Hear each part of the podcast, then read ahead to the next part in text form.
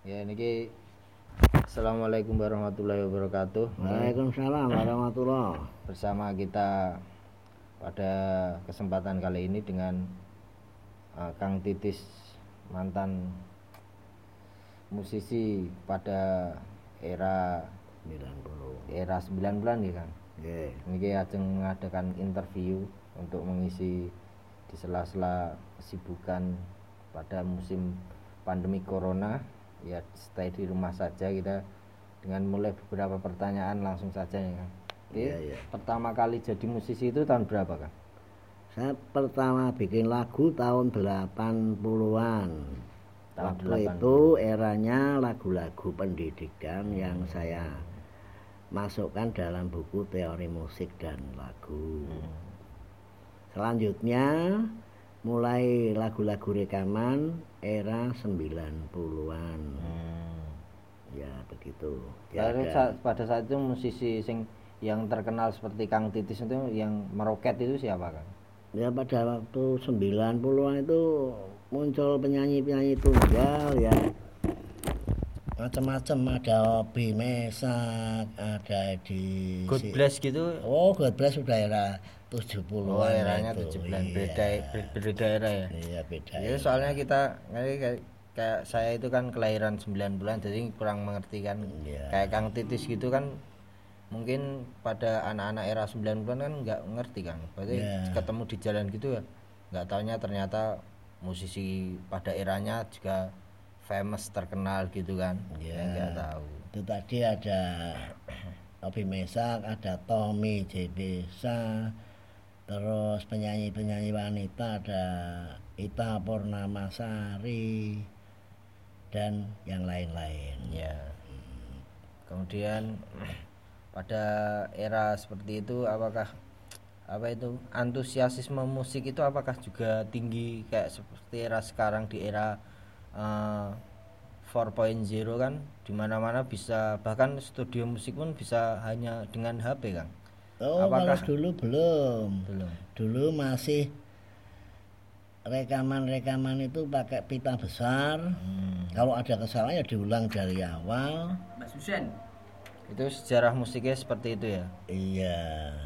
Kalau sekarang enak sekali nyanyi cukup satu kali diedit eranya sudah era digital. Kalau zaman pita dulu 24 track sebelumnya 16 track. Itu kalau ada suara fals atau apa ya diulang lagi. oh kayak gitu ya kayak apa itu kayak gitu berarti butuh biaya yang lebih banyak ya Wah, Kang? jelas makan waktu juga. kayak seperti era 4.0 kayak gini kan era milenial gini kan rekaman bahkan kita apa itu semuanya bisa dilakukan cuman lewat HP ponsel kan seperti kita upload di YouTube kita upload di media sosial apalagi di YouTube itu ada monetisasi yang bisa merubah viewer subscriber menjadi pundi-pundi uang gitu kan Iya. pendapat anda dengan yang era dahulu dengan era sekarang pendapatnya gimana Sekarang ini masalahnya kecanggihan alat saja. Hmm. Tapi dari segi anak sekarang ya banyak diuntungkan karena Hmm. misalnya senimannya itu hanya sebagai hobi bukan untuk kehidupan Hmm. itu bisa juga ikut meramaikan di rumah dengan gitaran Hmm. pakai YouTube kalau dulu model-model gitu belum ada yang bisa ya ke studio penyanyi musisi komposer masuknya ke kaset setelah kaset VCD lah mulai VCD bubar. Sekarang lah inilah era digital ya ada YouTube dan lain-lain. Tapi menurut pengamatan saya banyak karya yang musisi lama itu nggak nggak ter nggak ter apa itu istilahnya ya? Nggak terbingkai dengan baik. Kayak Kang Titis. Harusnya kan di era sekarang mungkin video-video Kang Titis semua apa itu kekayaan intelektualitas musik Kang Titis bisa dirangkum dalam satu akun YouTube.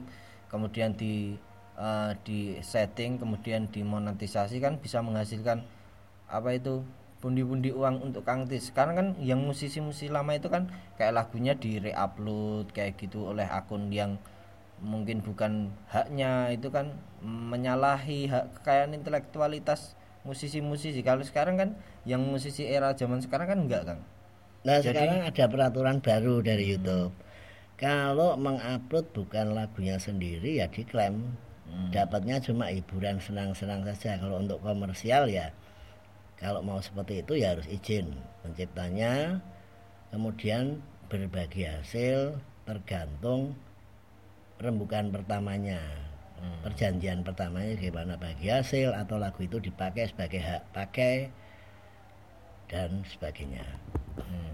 Tapi untuk untuk apa itu kayak musisi zaman dahulu kan lagunya banyak didaur ulang itu ya kalau diupload di YouTube kan ya lumayan juga sih Iya. kalau minimal viewernya bisa ratusan ribu ya sudah lumayan sebenarnya Ya, kalau yang bisa mendapatkan uang seperti itu biasanya mereka itu izin sama komposernya. oh izin sama komposernya jadi Iya. izinnya aduh ya terprosedur ya Iya, kalau hanya asal-asalan menyanyi itu sekarang ini sudah ada peraturan YouTube baru paling-paling diklaim nggak dapat apa-apa. hmm ya kayak gitu jadi kan banyak akun ada akun yang menghasilkan uang dari YouTube ada akun yang cuma buat Iya bersenang-senang iya surat bersenang-senang ada.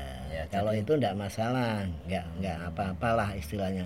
Tapi kalau sampai untuk komersial itu biasanya masuknya ke komposernya diklaim oleh pihak YouTube. kompos komersial itu dalam artian kata menghasilkan uang dari YouTube itu sendiri ya kan Iya. melalui karya cipta orang lain Mm-mm. Bahkan kalau tidak izin ada bahayanya juga. Hmm. Undang-Undang Hak Cipta pasal 72 ayat 12 barang siapa menggandakan memamerkan tanpa seizin dari pemiliknya ada kurungan pasalnya lima tahun penjara atau denda 5 m Iya. ada pasal undang-undang ya hak itu cipta sudah apa itu undang-undang hak cipta yang terintegrasi dalam eh, hukum ya Iya. hukumnya di hak kekayaan intelektual ya. Mm-mm. kan sebenarnya banyak apa itu perubahan-perubahan di dunia musisi terkait dengan perundang-undangannya banyak perubahan ya kang? Wah, dari iya. kalau dari zaman Kang Tis pertama kali merintis karir itu seperti apa dari sampai sekarang? Sebenarnya sudah ada undang-undang hak cipta.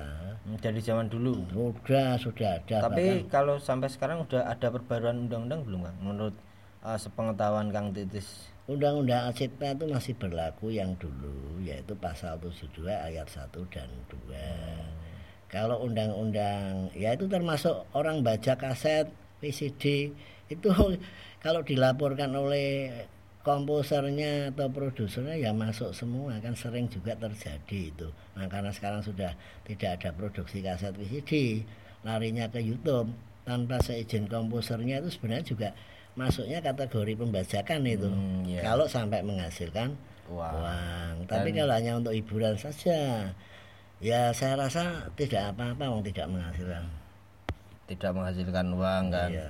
kalau orang lain menghasilkan uang dari karya kita kan termasuk salah satu Pembajakan. kategori pembajakan ya. Iya, iya, Ya. selama ini kalau untuk apa itu suka duka menjadi seorang seniman itu apa kan suka dukanya ya waduh banyak sekali kalau suka dukanya ya sukanya kita memang itu hobi kita senang sedih gembira itu sudah memang kehidupan manusia begitu. Karena berkarya ya tetap berkarya.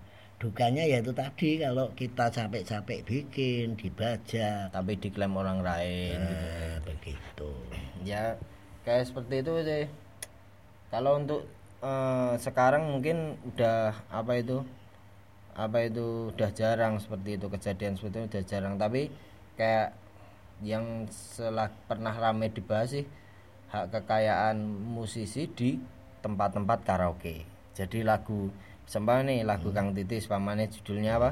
Yang terkenal Kang? Ulem temanten. Ulem Temanten. Ya ada di Inul Vista kemudian di mana nama karaoke apa karaoke A karaoke B karaoke C dan diputar di situ. Tapi Kang Titis nggak dapat oh royalti nih. enggak itu dapat saya. Oh tetap dapat. Itu yang menangani KCI Karya Cipta Indonesia. Oh, Jadi semua lagu saya sudah ditangani KCI dan mereka yang pengguna lagu itu seperti karaoke, seperti taman hiburan, TV, radio itu bayarnya sama KCI. oh kayak gitu. Berarti Kang Titis tetap tetap Dapat. Dapat dari meskipun KCI. meskipun dalam artian kata nih dapatnya royaltinya termasuk kecil satu kecil tahun. kecil apa besar Kang? Naik turun tergantung pemakaian. Oh kayak gitu. Sudah ada ya. Jadi seperti ini eh, kita mencoba mengulas wawasan kita tentang musik dan juga wawancara eksklusif dengan Kang Titis seorang seniman yang mungkin banyak yang tidak menduga karena pernah profesi sebagai guru ya Kang? Iya. Iya. Tapi ya sudah pensiun Kang Titis. Ini sering kita temui karya-karya beliau di album-album lama tahun tahun 90-an ya di periode tahun 90-an saya berkesempatan melakukan wawancara ini interview se kayak kok ngopi santai gitu sama Kang Titis seorang ya sudah legendaris lah. Ini satu angkatan sama Roma Irama kan Oh, sepuh Roma. Oh, Roma itu saya masih SMP, 70 sudah, 73 sudah berkumandang, saya masih SMP itu. Hmm, eh, untuk uh, mungkin ada yang ada hal yang bagus atau menarik untuk diulas mungkin menurut Kang Tis ada nggak Kang? Setelah yang kita bicarakan tadi maksudnya setelah uh, kita ngobrol-ngobrol kita tadi ada hal menarik lagi yang perlu di apa gitu di uh, diulas enggak sebelum kita masuk ke apa itu? Penutup maksudnya. Ya pesan saja pada seniman-seniman era sekarang ini. Coba berbuatlah sebaik mungkin di dalam berkarya.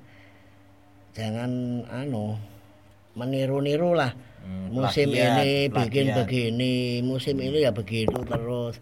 Coba berkarya menurut ide anda diusahakan untuk bangsa kita sebaik mungkin jangan model tiru-tiruan yang ramai sekarang ini bikin seperti ini hmm. coba berusaha untuk punya ide yang lain punya apa itu genre sendiri iya. gitu ya iya. kayak kultur kayak budaya sendiri gitu ah. nah, musiknya musik musik yang dangdut it's the music of my country kan dangdut itu aliran gambus dangdut gimana gitu kayak aliran asli kita kan kan ya, bukan jadi, musik pop mm, rock itu kan. Itu bukan apa itu budaya.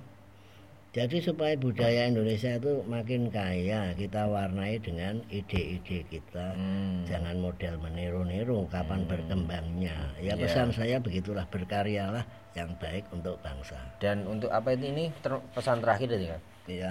Oh iya terima kasih untuk waktunya Kang sudah jauh-jauh dari Kendal ini kita bertemu di kota Sragen Asri. Untuk kesempatan lain kali mungkin kita bisa ngobrol lagi ya kan terima ya, kasih. ya, okay. assalamualaikum assalamualaikum warahmatullahi wabarakatuh. Waalaikumsalam